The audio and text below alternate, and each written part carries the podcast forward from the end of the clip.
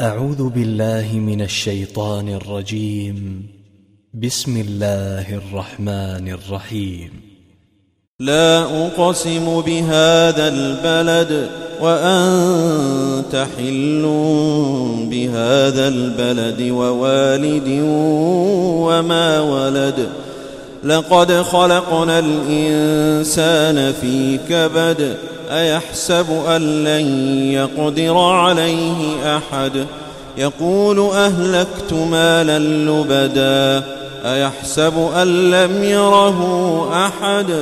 ألم نجعل له عينين ولسانا وشفتين وهديناه النجدين فلاقتحم العقبة.